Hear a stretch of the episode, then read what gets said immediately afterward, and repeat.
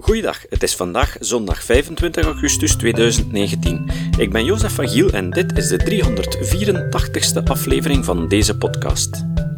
Gedurende het overgrote deel van de geschiedenis hadden vrouwen niet veel te zeggen. Vooral religies zijn altijd meester geweest in het klasseren van vrouwen als tweederangsburgers.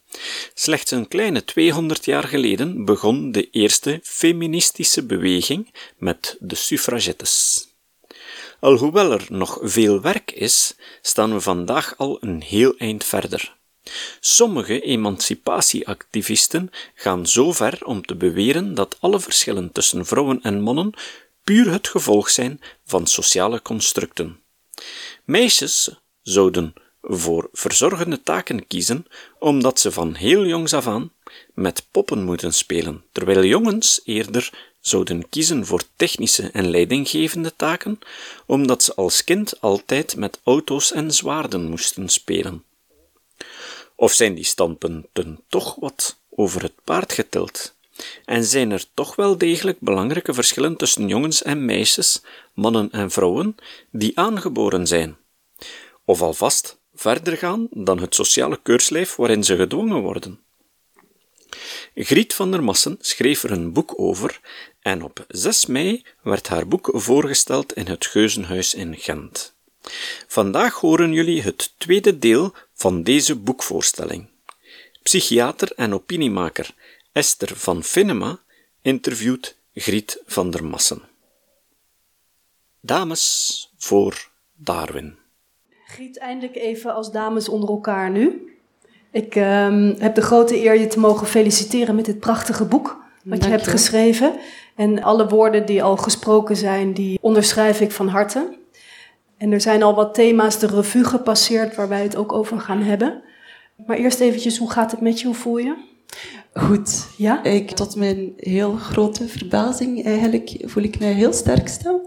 Zoals Maarten zei, heb ik heel lang getwijfeld of ik wel uh, voldoende expertise had om de publieke discussie aan te gaan. Maar uh, ik ben heel tevreden over mijn boek. Ik denk dat ik heel waardevolle dingen te vertellen heb. Dat ik veel dingen zeg waar niemand eigenlijk een deftig weerwoord zal tegen hebben. En dat geeft een heel goed gevoel. Dat kan ik mij voorstellen. Grote verbazing. ja. Giet, de eerste versie die is uitgekomen in 2005. Dat was ook gelijk je mhm. doctoraat. Het is nu 14 mhm. jaar later. Wat was voor jou een reden om het weer eens opnieuw allemaal op te schrijven? Een aantal redenen. Eén belangrijke reden is dat gendergerelateerde fenomenen en problemen veel meer media-aandacht krijgen vandaag. Dus daar is veel meer, denk aan MeToo bijvoorbeeld.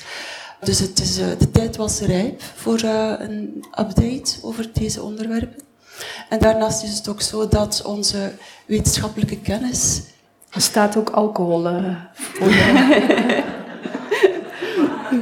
onze wetenschappelijke kennis over de aard van de mens en over de oorzaken van seksueel verschil is de voorbije veertien jaar ook enorm toegenomen. Dus de bewijzen zijn zich blijven opstapelen uit heel uiteenlopende disciplines.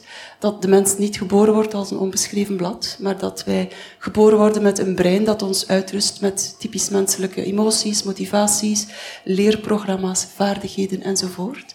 En dat dat brein ook niet seksueel neutraal is.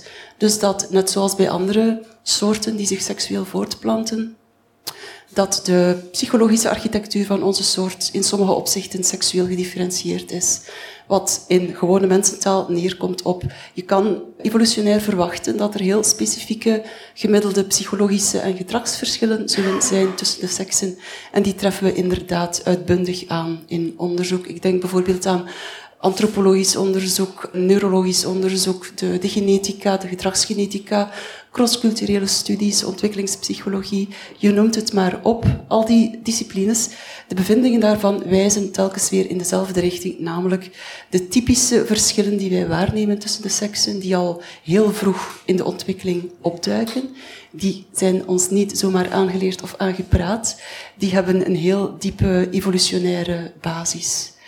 En ik wou niet alleen die nieuwe wetenschappelijke kennis naar buiten brengen voor een breed publiek, maar meteen ook de confrontatie aangaan met de ik ga zeggen het feminisme. Het feminisme is heel heterogeen, maar ik moet even kort door de bocht gaan.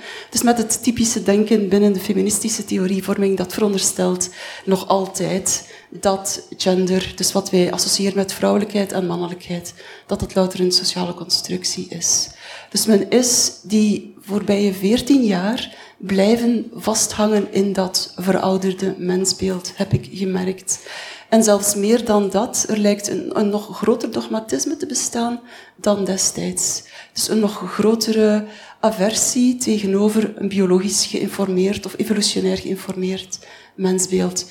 En ik wil in mijn boek een heel krachtige argumentatie naar voren brengen dat dit en incorrect is en ook dat we er niet goed aan doen om die uh, verschillen tussen de seksen te ontkennen. Daar komen we zeker zo dadelijk nog op terug. Heb je een verklaring waarom die aversie in de afgelopen 14 jaar eigenlijk alleen maar is toegenomen?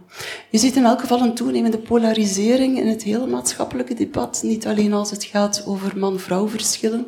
Je ziet het in alle discussies over minderheden bijvoorbeeld. Die toenemende nadruk op identiteitsdenken, op wat groepen het is eigenlijk een soort van denken dat mensen niet met elkaar verenigt, maar dat probeert om voor minderheden zoveel mogelijk slachtofferschap te claimen. En je ziet binnen het feminisme ook steeds een discours ontstaan waarin vrouwen in de positie van slachtoffer gecast worden.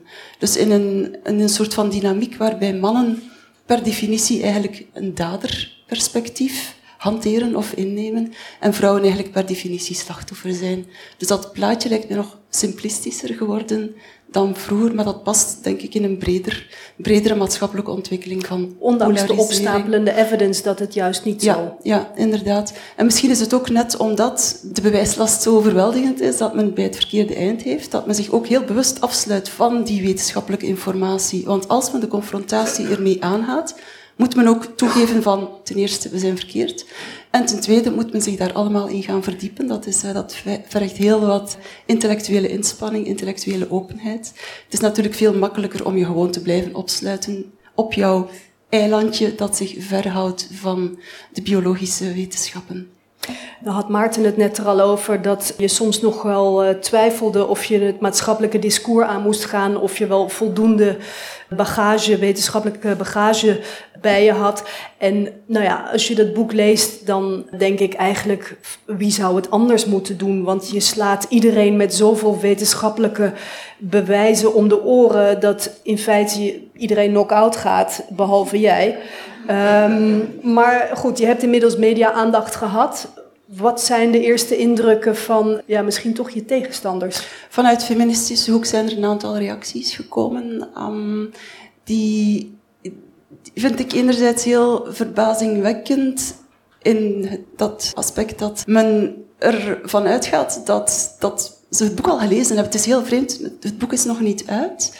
Maar uit de feministische reacties lijkt men een soort van helderziend inzicht te hebben in wat ik allemaal in dat boek zeg. Vertel. En ook uh, hoe simplistisch het wel allemaal is wat ik zeg. Men zegt bijvoorbeeld dat ik er blijkbaar van uitga dat er zoiets bestaat als het feminisme, terwijl ik een heel hoofdstuk wijd aan de heterogeniteit binnen het feminisme. Men lijkt er ook van uit te gaan dat ik niet besef hoezeer biologische theorieën in het verleden vaak wel gebruikt zijn om vrouwen op hun plaats te houden. Daar wijd ik ook een heel hoofdstuk aan. Ik wijd ook een heel hoofdstuk aan maatschappelijke inbedding van wetenschap enzovoort. Daarnaast is de kritiek heel vaak dat een, totale ontkenning van, ja nee, wij lijden helemaal niet aan bioaversie. En dan is het heel grappig dat in die commentaren, of in die kritieken die ik krijg, dat eigenlijk net bevestigd wordt wat ik aankaart. Namelijk dat ze wel degelijk biologie ontkennen. Want ofwel zegt men, nee, nee, wij lijden helemaal niet aan bioaversie, maar het is wel zo dat er eigenlijk geen enkele evidentie is voor een verband tussen genetische en hormonale seksenverschillen enerzijds en dan verschillen in gedrag en interesses anderzijds. Wat natuurlijk neerkomt op bioaversie, dat is een ontkenning van de biologie. Of anderzijds zegt men van, maar nee, wij ontkennen de biologie helemaal niet, want wij erkennen toch wel degelijk dat mannen fysiek sterker zijn dan vrouwen, dat vrouwen zwanger worden en daardoor gediscrimineerd worden. Dus haha, dat is een stroomman dat wij de biologie zouden ontkennen. Maar ik heb het natuurlijk helemaal niet over de anatomische en reproductieve verschillen tussen de seksen. Mij gaat het over de biologische inslag van psychologische seksenverschillen. En die komen quasi nooit aan bod in de feministische theorievorming. En dat blijft dus ook helemaal afwezig in de kritieken die ik krijg. Dus men lijkt zelfs niet te beseffen wat mijn aanklacht eigenlijk is. Ik begrijp het niet goed. Dus, uh, ik hoop in elk geval dat mijn boek met aandacht gelezen wordt, zodat, zodanig dat men niet reageert op een soort van karikatuur van iets wat ik zelfs niet gezegd heb. Ik vind, uh, en het getuigt in elk geval niet van openheid, wat ik tot hiertoe van reacties uh, vernomen heb uit die hoek. Nee. Nou ja, het is natuurlijk bijzonder dat je boek vandaag pas uitkomt en dat er al meningen zijn gevormd op voorhand. Mm -hmm. wat, wat is jouw drijfveer eigenlijk om dit allemaal voor ons op te schrijven? Ik vind het in eerste instantie gewoon waanzinnig boeiend. Ik wou het vooral voor mijzelf opschrijven voor een stuk, omdat uh, nu, we zijn over het algemeen, iedereen is seksueel aangelegd. Je hebt mensen die asexueel zijn, maar de meeste mensen zijn wel degelijk staan seksueel in het leven, of je nu hetero bent of holibi of iets anders. En seksualiteit en relaties is iets wat ons allemaal bezighoudt. En ook die verschillen tussen de seksen, we komen er elke dag mee in aanraking. Dat stelt veel mensen elke dag wel voor vraagtekens of moeilijkheden. Dus dat is iets wat veel mensen boeit en mij van in het begin al heel sterk geboeid heeft. Dus ik wou het uitpluizen en tegelijkertijd anderen verblijden met de manier waarop ik dat is gelukt, dat is gelukt. heb. En dan toch vind ik het ook nog wel belangrijk om eventjes in te zoomen op die bioaversie. Dat is een term die we hier nu vrij makkelijk gebruiken vanavond. Er is al iets over gezegd. Maar waar hebben we het dan eigenlijk precies over? Mhm. Dus het gaat zeker niet over, want je kan biologie natuurlijk op verschillende manieren interpreteren. Dus het hangt ook af van je definitie van biologie. Vanuit het feminisme wordt biologie vaak geïnterpreteerd als het domein van genen, chromosomen, anatomie en fysiologie. En dat wordt ook beschouwd als iets dat zo heel erg deterministisch is. En men houdt zich daar liefst heel ver van als men wil proberen begrijpen hoe het komt dat uh, seksen gemiddelde verschillen vertonen in hun psychologie en gedrag. Ik zie biologie veel breder. Biologie gaat niet alleen over het lichaam tot aan het hoofd. Biologie is ook ons brein. Dus niet alleen ons lichaam is het product van evolutie, ook ons brein is het product van evolutie. Dus ook de manier waarop ons brein werkt, de inhouden van ons brein, onze emoties, uh, onze cognities enzovoort, die zijn voor een stuk biologie. Wij zijn biologische wezens. Alles wat wij doen is op een bepaald niveau biologie. En is het product van een interactie tussen onze genetische uitrusting en de context. En dus het, het is dat aspect dat ontbreekt heel vaak binnen de feministische theorievorming. Dus het aspect van biologie als onderpinning van de inhouden van ons brein. En dus ook als onderpinning van, van ons typisch menselijk gedrag, maar ook de manier waarop dat vaak verschilt tussen mannen en vrouwen. Nou weet ik als psychiater inmiddels dat alles wat boven de nek gebeurt, dus tussen de oren, dat dat bij mensen heel veel oproept. Hè? Dus onze gedachten en gevoelens, dat maakt wie wij zijn. En dat vinden we ingewikkeld en misschien ook wel confronterend. Hoe zie je dat ten aanzien van de biologische verschillen als het gaat om mannen en vrouwen? En dan met name de psychologische verschillen. Waarom verzetten wij ons daartegen? Waarom hebben we het er zo moeilijk mee?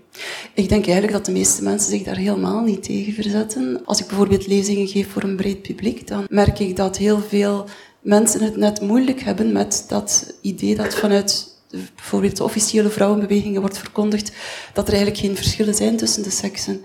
De meeste mensen hebben genoeg gezond verstand gewoon om te weten dat dat wel degelijk het geval is. Vinden dat meestal ook heel aangenaam dat er verschillen zijn tussen de seksen. Vinden dat dat spanning geeft, een kleur aan het leven.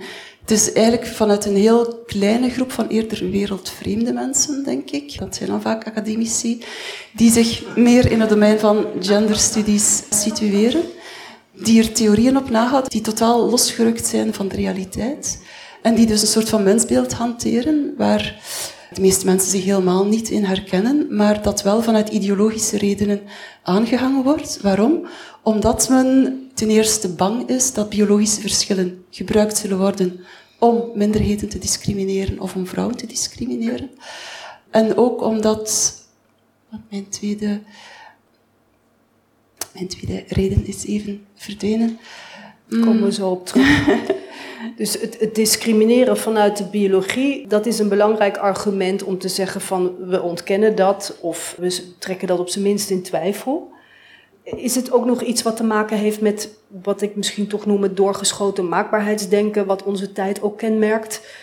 dus we willen alles naar onze hand zetten en dan is biologie misschien ook wel ongemakkelijk, omdat we daar misschien minder controle over hebben dan we zouden willen? Of is dat ver gezocht? Ja, maar dat maakbaarheid denken, dat zie je al opduiken in het feminisme van de tweede golf. Dus dat is eigenlijk begonnen met uh, het werk van Simone de Beauvoir. Die zei, je wordt niet als vrouw geboren, maar tot vrouw gemaakt. Dat is een denken dat zegt van wat gender inhoudt, mannelijkheid, vrouwelijkheid, is vooral een culturele creatie. Nu, in die tijd was dat een heel begrijpelijk soort van denken, omdat de manier waarop toen over mannen en vrouwen gedacht werd en ook de manier waarop vrouwen in heel strikte rolpatronen geduwd werden, dat was heel vaak vanuit het idee dat vrouwen biologisch echt inherent helemaal anders zijn dan mannen, dat zij gemaakt waren om te baren, om voor kinderen te zorgen en niet om in het publieke domein zich te manifesteren. Dus in die tijd was het idee van de maakbaarheid van de mens heel bevrijdend. Was ook heel welkom, denk ik. Het probleem is alleen dat veel feministische denkers of strekkingen daar een beetje zijn blijven in vasthangen. In plaats van meer genuanceerd te gaan denken en in plaats van open te staan voor de bevindingen die dan toch zeggen van nee, het is wel iets complexer dan dat. Maar is het gevaar geweken waar Simone de Beauvoir zich eigenlijk tegen verzette. Namelijk dat de biologie werd gebruikt toch om de vrouw te domineren. Wat mhm. maakt nu dat we kunnen zeggen van oh, dat was toen en daar hoeven we ons geen zorgen meer over te maken? We moeten ons daar nog zorgen over maken. Kan altijd, dus wetenschappelijke theorieën kunnen altijd misbruikt worden. En we weten dat er uh, reactionaire krachten aanwezig zijn in veel maatschappijen of uh, op de maatschappelijke achtergrond die het liefst zouden hebben dat vrouwen helemaal niet uh, doorstoten naar topposities enzovoort enzovoort.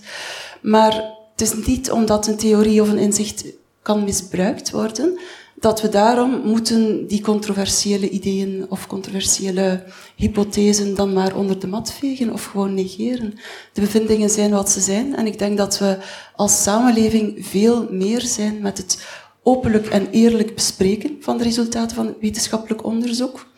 En ook in de eerste plaats met eerlijk wetenschappelijk onderzoek en niet met ideologisch gedreven wetenschappelijk onderzoek. Dat, dus dan daarna met een rationeel open debat over die, over die bevindingen. Dat dat de enige manier is om te voorkomen dat reactionaire krachten daarmee aan de haal gaan. Want de manier waarop vanuit het feminisme nu gereageerd wordt, dus die ontkenning van die verschillen, lijkt eigenlijk te zeggen aan die reactionaire krachten van oei, die verschillen mogen er niet zijn, want stel dat het toch zo zou zijn, dan hebben jullie gelijk. Dan is discriminatie gerechtvaardigd. En dat is natuurlijk niet het geval. Wij kiezen onze morele principes zelf. Dus als wij het principe van gelijke rechten, gelijke kansen, gelijke behandeling voor de wet is een moreel principe. En dat mogen wij niet laten afhangen van biologische bevindingen. Dat staat daar. Dus het ontkennen eigenlijk als zwaktebod in dat opzicht. Ja, absoluut. Ja. absoluut. En eh, de kern van het boek is natuurlijk het thema de verschillen tussen mannen en vrouwen. Daar gaan we het toch ook nog wel eventjes over hebben. Mhm. Wat vond jij nou de meest opvallende verschillen of studies die daarover rapporteerden uit je boek? Ja, je kan dat op veel verschillende manieren benaderen. Dus als je zou vragen van wat zijn nu de belangrijkste verschillen of hoe groot zijn de verschillen nu eigenlijk, als je feministische literatuur leest, dan uh, zie je dat men heel vaak probeert om die verschillen helemaal te minimaliseren en ook om te zeggen ze zijn helemaal niet relevant. Nu, het is inderdaad zo dat veel verschillen, als je ze apart bekijkt, dat die inderdaad klein zijn. Dus verschillen in cognitie bijvoorbeeld, veel verschillen in persoonlijkheid zijn klein. Maar al die kleine verschillen die tellen wel op. Als je bijvoorbeeld persoonlijkheid analyseert, iemands persoonlijkheid heeft heel veel dimensies. Dus je zou wel kunnen zeggen van oké, het verschil in extraversie tussen mannen en vrouwen is niet zo groot. Maar als je al die verschillende verschillen in persoonlijkheid optelt, dan krijg je wel twee persoonlijkheidsprofielen die eigenlijk globaal heel sterk uit elkaar lopen. Dan krijg je zelfs een overlap in persoonlijkheid tussen mannen en vrouwen van nog maar 10%. Wat betekent dat er echt heel grote verschillen zijn in persoonlijkheid. Er zijn ook andere psychologische dimensies die echt overduidelijk objectief reusachtig grote verschillen vertonen. De meest voor de hand liggende is natuurlijk seksuele voorkeur. De meeste mannen vallen op vrouwen, de meeste vrouwen vallen op mannen. Dat is een reusachtig psychologisch verschil dat evolutionair natuurlijk voor de hand ligt. We zijn een soort die zich seksueel voortplant. Maar daarnaast heb je ook bijvoorbeeld heel grote verschillen, en die zijn wereldwijd gedocumenteerd, in wat mensen typisch interessant vinden. Jongens en mannen hebben over het algemeen meer interesse in technische zaken en thema's. Meisjes en vrouwen hebben over het algemeen veel meer interesse in omgaan met mensen, in sociale thema's. Je ziet ook heel grote seksenverschillen bijvoorbeeld in fenomenen zoals moord. 95% van alle moorden wereldwijd wordt door mannen gepleegd. Wie zegt dat is een klein seksenverschil, die vergist zich natuurlijk. Dood door risicogedrag vertoont ook een reusachtig groot seksenverschil. De partnervoorkeuren van mannen en vrouwen vertonen ook heel grote verschillen. Dan zijn er nog ook fysische verschillen, zoals verschillen in werpsnelheid, werpprecisie enzovoort. Maar daarnaast is er nog een belangrijke dimensie van verschil, en dat is dat gemiddelden, kleine gemiddelde verschillen, kunnen toch heel grote verschillen maskeren. Dus veel verschillen tussen de seksen zijn gemiddeld gezien klein. Wat betekent dat als je naar het middengebied kijkt, of nee, dat vertaalt zich op een niet-intuïtieve manier. Bij veel seksverschillen die gemiddeld klein zijn, is het zo dat als je naar het middengebied kijkt, dat daar meer vrouwen zitten. En als je naar de beide uiteinden kijkt van de spreidingscurve, dat daar meer mannen zitten. Dus als je naar de extremen kijkt van bepaalde psychologische kenmerken, dan worden de seksenverschillen plots veel groter. Bijvoorbeeld als het gaat om intelligentie. Mannen en vrouwen zijn gemiddeld even intelligent. Maar als je kijkt naar de extreme uiteinden, dan zie je dat er veel meer mannen zijn die heel laag scoren op intelligentie, maar ook veel meer mannen die heel hoog scoren op intelligentie. En dat geldt voor veel andere psychologische kenmerken. Je hebt veel meer mannen die zeer hoog scoren op fysieke agressie dan vrouwen, die zeer hoog scoren op creativiteit bijvoorbeeld, die zeer hoog scoren op superieure driedimensioneel inzicht, ook op uh, wiskundige vaardigheden. En dat betekent dat kleine gemiddelde verschillen in de praktijk toch heel grote maatschappelijke gevolgen kunnen hebben. Want die meerderheid van mannen die zich aan de extremen bevindt, dat zal zich ook maatschappelijk vertalen in bepaalde patronen. Dat zal zich bijvoorbeeld vertalen in meer mannen die vertegenwoordigd zijn aan de top van wiskundig-wetenschappelijke disciplines. Dat zal zich vertalen in veel meer mannen die een moord plegen dan vrouwen die een moord plegen, bijvoorbeeld. Ook het seksenverschil in interesse voor losse seks en in libido. Je hebt veel meer mannen met een zeer grote interesse in losse seks en met een zeer hoog libido. Dat vertaalt zich maatschappelijk in eh, fenomenen zoals prostitutie, prostitutiebezoek. 99% van alle mensen die gebruik maken van prostitutie zijn mannen. Ook fenomenen zoals vrouwenhandel bijvoorbeeld. Dat zijn maatschappelijke gevolgen van verschillen tussen de seksen die gemiddeld gezien misschien niet zo fenomenaal groot zijn, maar waarbij het aan de uiteinden is dat je zeer grote seksenverschillen vindt. Dus dat moet je ook mee in rekening brengen als je die verschillen bespreekt. Nu was er laatst in Nederland een rel omdat iemand in de media had gezegd, een man die had zich hardop afgevraagd van waarom zijn er maar zo weinig vrouwen die een nummer één hit hebben geschreven en wel mannen. En als ik mhm. dan luister naar wat je zegt, dan denk ik, ja, dat zal wel iets met die extreme uitersten te maken hebben. Heb jij een idee waarom mensen daar dan toch zo kwaad over kunnen worden? Wel, het is ook wel zo dat vrouwen, denk ik, heel lang ook cultureel niet echt gestimuleerd zijn om uit te blinken. Dus het is pas sinds de paar jongste decennia, denk ik, dat wij meisjes evenzeer aanmoedigen als jongens om uit te blinken, om zich te bewijzen, om het te maken in het leven enzovoort. Dus ik denk dat je, als je met vrouwen praat die al iets ouder zijn, dat je ook heel veel verhalen zal horen van vrouwen die zeggen van ja, maar ja, mijn broer bijvoorbeeld, die mocht wel een muzikale opleiding volgen en ik niet, want van meisjes werd dat helemaal niet verwacht. Dus die culturele patronen, die zijn er ook lang geweest. Het is alleen verkeerd als je zegt van dat is de enige mogelijke verklaring. Die, dat is als je kijkt naar die extremen in creativiteit, dat is ook heel goed aangetoond dat je ook dat patroon daar vindt. Dus als je wil verklaren waarom zijn er meer mannen die een nummer één hit schrijven, dat je het niet alleen kan wijten aan cultuur en discriminatie, maar ook aan die grotere mannelijke vertegenwoordiging aan de extremen. Nu, ik denk dat dat voor sommige mensen stuitend klinkt, omdat je daarmee lijkt te zeggen, dus mannen zijn superieur aan vrouwen. Nee, dat zeg je helemaal niet. Onder meer omdat die mannelijke extremen zich ook aan het andere uiteinde bevinden. Dus je hebt ook veel meer mannelijke zwakzinnigen bijvoorbeeld. Um, en ook dat kan je moeilijk verklaren vanuit cultuur of vanuit socialisatie. Het is niet dat mannen cultureel meer aangemaand worden of uh, aangespoord worden om zich dan maar intellectueel in een meer onderontwikkeld ontwikkelingspad te begeven. Er is nog niemand vertrokken, dus. Uh... nou ja, omdat ik me toch afvraag van die verschillen die je benoemt. We hebben natuurlijk in Nederland Asja ten Broeke, die dan zegt: ja, dat heeft te maken met socialisatie, met culturele beïnvloeding. Als je jongens en meisjes nou maar hetzelfde speelgoed geeft, dezelfde kleuren, hou op met die verschillen in geboortekaartjes. Dan hebben we daar geen last van. Het is natuurlijk heel simplistisch zoals ik het nu formuleer. Maar zou je erop willen reageren? Wel, dat zijn veronderstellingen of theorieën die tot een heel uh, interessante en heel erg toetsbare voorspelling leiden.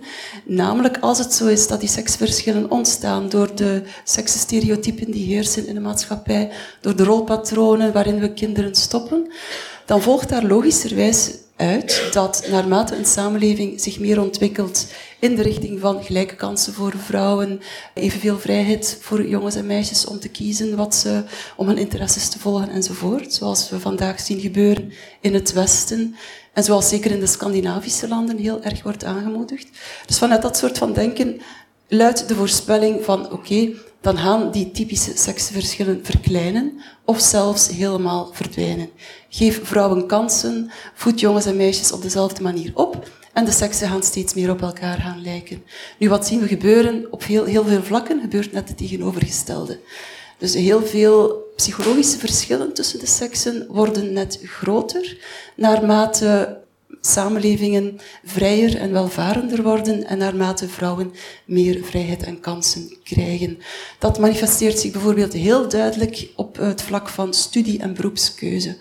Dus de seksenkloof in studiekeuze en ook in beroepskeuze is nergens zo groot als in rijke westerse landen. En binnen die rijke westerse landen is ze nergens zo groot als in de Scandinavische landen. Dus de seksenkloof op de arbeidsmarkt, waarbij vrouwen oververtegenwoordigd zijn in de publieke sector bijvoorbeeld en mannen in de privésector, die is nergens zo groot als in Zweden. Waarom? Omdat in een vrije, welvarende samenleving mannen en vrouwen geen studie of job moeten kiezen omdat ze economisch gedwongen worden, maar gewoon omdat ze echt hun eigen interesses kunnen volgen. En dan zie je dat die psychologische seksverschillen zich veel sterker manifesteren. Ook seksverschillen in uh, persoonlijkheid worden groter naarmate vrouwen meer kansen en vrijheid krijgen. Seksverschillen in kan je daar een voorbeeld van noemen?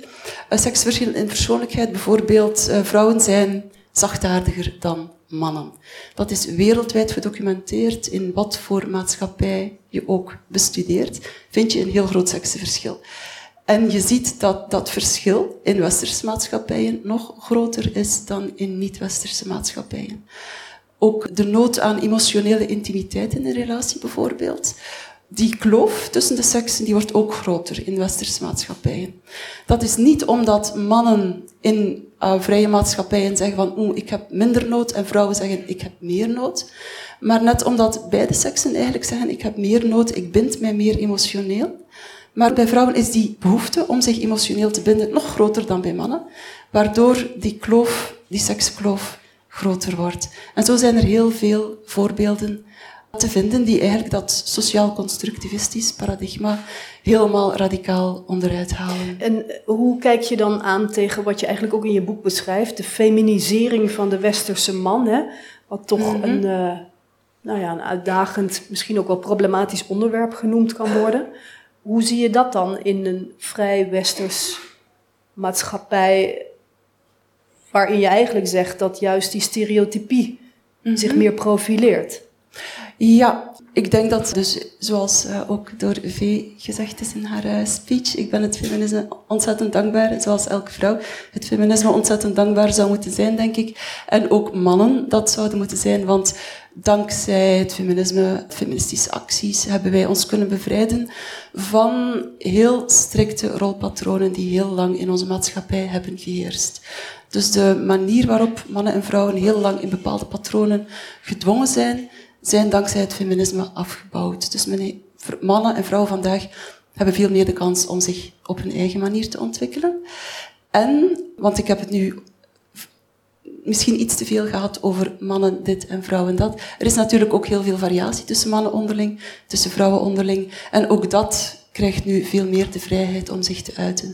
Dus dat vind ik ontegenzeggelijk een vooruitgang. Dat we mannen niet meer in een stereotype rol duwen, dat we vrouwen niet meer in een stereotype rol duwen.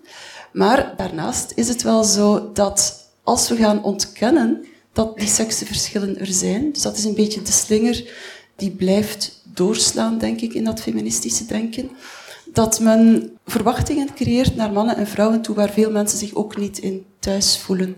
En die feminisering die men nu ziet, dus die eigenlijk inhoudt dat men probeert om van mannen toch iets meer vrouwen te maken. Ik denk enerzijds, ik vind daar een zeer goede kant aan. Mannen krijgen vandaag het recht om ook hun kwetsbare kant te tonen. Maar anderzijds denk ik dat uh, culturele verwachting naar mannen toe van toon je vooral kwetsbaar, dat dat ook afbreuk doet en onrecht doet aan typisch mannelijke eigenschappen, want die zijn er wel degelijk. Er bestaat zoiets als een kern van mannelijkheid, dat is ook een cultureel universeel gegeven, dat mannelijkheid overal gekoppeld wordt aan bijvoorbeeld daadkracht, aan competentie, aan risicobereidheid, aan de bereidheid ook om je gemeenschap te beschermen, aan uh, zelfvertrouwen. En dat zijn trouwens ook kenmerken die vrouwen over het algemeen seksueel heel aantrekkelijk vinden in mannen. Als we die kenmerken gaan demoniseren, zoals vandaag steeds vaker gebeurt, dan denk ik dat we mannen in de, in de kou laten staan, dat we vrouwen ook in de kou laten staan. Dus dat die feminisering ook weer een beetje moet bijgestuurd worden. In de zin van, oké, laten we inzetten op een maatschappij waarin mannen meer kwetsbaar kunnen zijn, maar laten we ook inzetten in een maatschappij waarin mannelijkheid gewaardeerd wordt en waarin jongens ook handvatten aangereikt krijgen om om te gaan met hun sekstypische kwaliteiten. Want jongens zijn van, van nature fysiek agressiever, ze zijn wilder, ze zijn onstuimiger. Als we dat de kop willen indrukken, dan leren jongens niet om daar op een constructieve manier mee om te mhm. gaan. Dus ik denk dat we jongens moeten leren om dat op een positieve manier te ontwikkelen, op een constructieve manier, zodat zij zich sterk voelen in hun man zijn en dat ze net vanuit die sterkte die ze voelen als man, dat ze van daaruit dan die stap kunnen zetten naar kwetsbaar durven zijn. Want meestal vinden vrouwen een man die louter kwetsbaar is niet aantrekkelijk. Vrouwen vinden een man die sterk is en die zich ook kwetsbaar durft opstellen heel, heel aantrekkelijk. Een tender defender. Een tender defender, een tedere verdediger. Dat is ook de, de, als je kijkt naar stationsromannetjes, eh, de meest populaire lectuur bij vrouwen, dan zie je dat de held van die stationsromannetjes is altijd een knappe, dominante, heel masculine, competente, viriele man is die bereid is tot risico's, die zelfs bereid is tot geweld om een vrouw te verdedigen maar die dat geweld alleen maar zal inzetten om haar te verdedigen en niet om uh, antisociaal gedrag te stellen. En dat die man dan ook, dat zij erin slaagt om die fantastische man, die alfaman, emotioneel aan zich te binden en de haren te maken. Dus dat is een beetje de ultieme vrouwelijke seksuele fantasie, zou je kunnen zeggen. Dat zegt wel iets over de vrouwelijke psychoseksualiteit. En ook het feit dat ook heel veel hoogopgeleide vrouwen verzot zijn op dit soort romannetjes, toont aan dat dit zeker niet alleen een product is, of zelfs helemaal geen product is van indoctrinatie. Ten slotte, ja, hier kunnen we nog heel lang over doorgaan. Maar wat ik nog wel een belangrijk thema vind om in ieder geval nog te belichten, is de noodzaak van jouw boek, de noodzaak van het onder ogen zien van de verschillen, de biologische mm. verschillen, van de feiten. Daar heb je ook een missie mee. Ja, ik denk voor eerst, als je uitgaat van foute veronderstellingen, kom je natuurlijk tot foute analyses en tot foute probleemoplossingen. Dus als je vertrekt van een mensbeeld dat eigenlijk niet klopt, dan gaan jouw verklaringen en ook jouw uh, gesuggereerde oplossingen op zijn minst gebrekkig zijn en soms helemaal verkeerd. En daarnaast denk ik ook dat dus niet alleen jouw analyses en jouw remedies zullen voor een stuk gebrekkig zijn, maar ook het politieke programma dat daaruit voortvloeit, zal helemaal niet aansluiten op wat veel vrouwen en mannen typisch belangrijk vinden in hun leven. Als je feministische politieke programma's bekijkt, dan zie je altijd dat dus het politieke doel is eigenlijk altijd gelijkheid van uitkomst voor beide seksen op alle mogelijke manieren. Bijvoorbeeld als het gaat om studie- en beroepskeuze. De loonkloof, als het gaat om, uh, ja, ook over uh, opnemen van zorg. En nog veel andere zaken. Dus men gaat er altijd van uit, zolang men geen 50-50 pariteit vindt, is er een probleem. En het streefdoel moet dus zijn dat wij die structurele seksverschillen uitroeien. Als je evolutionair denkt, en dat is dan wat mijn evolutiefeminisme zou inhouden, dan stel je dat niet meer als streefdoel. Dan is gelijkheid van kansen absoluut zeer belangrijk, maar ga je er niet van uit dat gelijkheid van kansen gelijkheid van uitkomst zal geven. Want als mannen en vrouwen gemiddeld verschillen in wat hen motiveert, in wat hen interesseert, ook in hoe variabel zij zijn. Ik had het over die grotere mannelijke extremen. Dan gaat gelijkheid van kansen nooit gelijkheid van uitkomst geven. En een politiek beleid dat dat kunstmatig wil opleggen, gaat denk ik vooral ingaan tegen wat mannen en vrouwen vaak eh, belangrijk vinden in hun leven. Een evolutiefeminisme zou vooral ijveren voor een maatschappij waarin het algemeen en individueel menselijk welzijn centraal staat. Dus een maatschappij die mannen en vrouwen zoveel mogelijk de kans geeft om hun eigen levenspad te volgen. En dat beseft dat daar soms, en zeker voor vrouwen, negatieve gevolgen aan verbonden zijn. Bijvoorbeeld het feit dat vrouwen vaker in sectoren werken die minder betaald worden, dat vrouwen vaker deeltijds werken. Dat geeft financieel negatieve consequenties vaak voor vrouwen, zeker als ze alleen komen te staan bijvoorbeeld. Een evolutiefeminisme zou ervoor ijveren dat die negatieve gevolgen bestreden worden. Dus zou niet zeggen van tegen vrouwen stop met deeltijdswerken en stop met zorgen, maar zou ijveren voor een maatschappelijk bestel waarin zorg veel meer geremu betaald wordt. Waarin uh, bijvoorbeeld er een veel breder sociaal vangnet bestaat voor vrouwen die alleen komen te staan of die minder verdienen. Ik denk bijvoorbeeld het idee van een basisinkomen waarvan je echt kan leven. Dat is een idee dat volgens mij vanuit feministische hoek veel meer zou moeten uitgepluist of uitgeplozen worden. Daarnaast zijn er ook veel feministische streefdoelen die ik wel ook verdedig hoor, zoals vaderschapsverlof voor mannen, omdat het inderdaad belangrijk is voor de binding tussen een man en zijn baby, om de eerste weken na de geboorte heel intens contact te hebben met elkaar. Ja, initiatieven zoals 30 uurweek enzovoort. Ik denk dat evolutiefeministen en klassieke feministen elkaar ook vaak wel zouden vinden in bepaalde denkpistes. Alleen zou het streefdoel van evolutiefeministen niet zijn 50-50 verdeling van de seksen en het verdwijnen van structurele seksenverschillen, maar zou zijn van we houden er rekening mee dat de seksen gemiddeld verschillen en we zorgen ervoor dat dat geen negatieve of zo weinig mogelijk negatieve gevolgen heeft voor de mensen in kwestie. Um, of je nu man bent of vrouw of x of wat dan ook. Griet, en um, in je boek heb je het over de eerste en de tweede feministische golf. Eigenlijk het evolutiefeminisme zou je misschien kunnen zien als een derde feministische golf. Ben jij daar dan de Simone de Beauvoir van de evolutiefeministen? ja, ik ben de pionier. nee, dat is niet waar. Nee, nee, nee. In uh, Amerika zijn er een heel aantal uh, mensen die... Weet, het zijn altijd wetenschappers, hoor vrouwelijke wetenschappers die uh, vanuit een evolutionair perspectief werken, die ook zeer begaan zijn met vrouwenrechten, met de problemen die vrouwen typisch treffen, zoals bijvoorbeeld seksueel geweld tegen vrouwen, femicide, een heel aantal andere dingen, die zichzelf dus expliciet ook feminist noemen, die ook een evolutiefeminisme verdedigen. Dus er is zeker al zo'n stroming op gang aan het komen, maar ik denk wel in ons taalgebied dat, dat ik daar een tamelijk... Ja, pionier in ben. Ik hoop dat mijn boek toch een aantal feministen kan doen openstaan voor dat evolutionaire perspectief en hen kan doen inzien dat een biologisch geïnformeerd mensbeeld dat het helemaal niet leidt tot een reactionair politiek programma of tot, tot alle vreselijke denkbeelden die men daar soms bij heeft. Ja, dat is dan ook een beetje vreemd dat je merkt dat mensen die evolutionair denken, dat je ook heel snel ideologisch verdacht wordt gemaakt. Dus, zo was er een tweet van een vrij bekende feministe die dan zegt van ja, door zo te redeneren van het is biologisch, hoef je niet te erkennen dat vrouwen wel degelijk achtergesteld worden.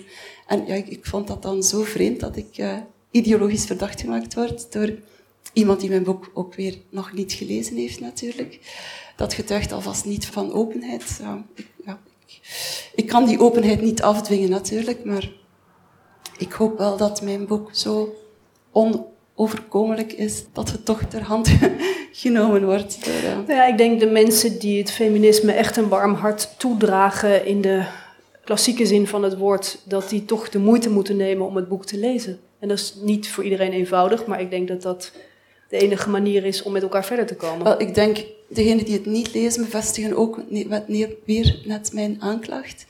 Namelijk dat men zich dan opsluit in een soort van sociaal constructivistisch universum dat weigert om zich te confronteren met wetenschappelijke bevindingen die ingaan tegen de eigen vooropgestelde mensbeelden en de eigen vooropgestelde verklaringen en hypothesen en ja, denkbeelden. Dus wie ja, eigenlijk als feministen werkelijk willen bewijzen dat zij niet lijden aan bioaversie, de enige manier waarop ze dat kunnen doen, denk ik, is door mijn boek op een heel open manier te lezen en dan op een... Ik ga heel graag in debat met hen, maar dan moeten ze wel op een geïnformeerde manier erover discussiëren en bewijzen dat ze ook proberen verwerken hebben wat ik schrijf. Ik hoop dat veel vrouwen de handschoen oppakken die je nu uh, naar buiten werpt. Um, Giet, zijn er, zijn er nog zaken die ik je niet heb gevraagd, maar die je wel belangrijk vindt om nog met ons te delen vanavond? Goh, ik denk eigenlijk dat we de belangrijkste dingen zo wat uh, besproken hebben. Mm, nee, niet meteen. Um. Ik ben je heel dankbaar voor je boek. En zoals ik ook in mijn voorwoord schrijf, ben heel gelovig, dogmatisch opgevoed en heb de wetenschap altijd als bevrijding ervaren. En in de tijd waarin we nu leven, waarin het soms lijkt alsof we ook weer toenemend gelovig met elkaar aan het worden zijn en in goed en kwaad aan het uh, denken zijn, is jouw boek denk ik een belangrijk baken om dat nou, te ontkrachten. In ieder geval hou vast te hebben aan de feiten, aan de biologische feiten. Ik wil je heel erg hartelijk bedanken en ik wil graag een heel groot applaus voor Griet. Het citaat. Het citaat van vandaag komt van Hans Rosling. Het komt uit zijn boek feitenkennis. Rosling zei: In Zuid-Korea en Japan wordt bijvoorbeeld nog steeds van veel echtgenotes verwacht dat zij voor de ouders van hun man zorgen, terwijl ze ook nog verantwoordelijk blijven voor hun kinderen. Ik heb veel mannen ontmoet die trots zijn op deze Aziatische waarden, zoals zij die noemen. Ik heb veel vrouwen gesproken die het anders zien zij vinden deze cultuur ondraaglijk en zeggen tegen me dat ze er door deze waarden minder voor voelen om te trouwen. Tot de volgende keer. Dit was de podcast Kritisch Denken. Vergeet niet om alles kritisch te behandelen, ook deze podcast. Voor verdere informatie over deze podcast, links en voor de tekst, surf naar www.kritischdenken.info. Als je deze podcast belangrijk vindt, kun je me steunen door anderen warm te maken ook eens te luisteren. Stuur een e-mail naar vrienden met een link naar de website en plaats de link in de handtekening van je e-mails. Tevens kun je op iTunes deze podcast een beoordeling geven of een recensie schrijven. Of je kan op je eigen website of blog een link naar kritisch denken plaatsen.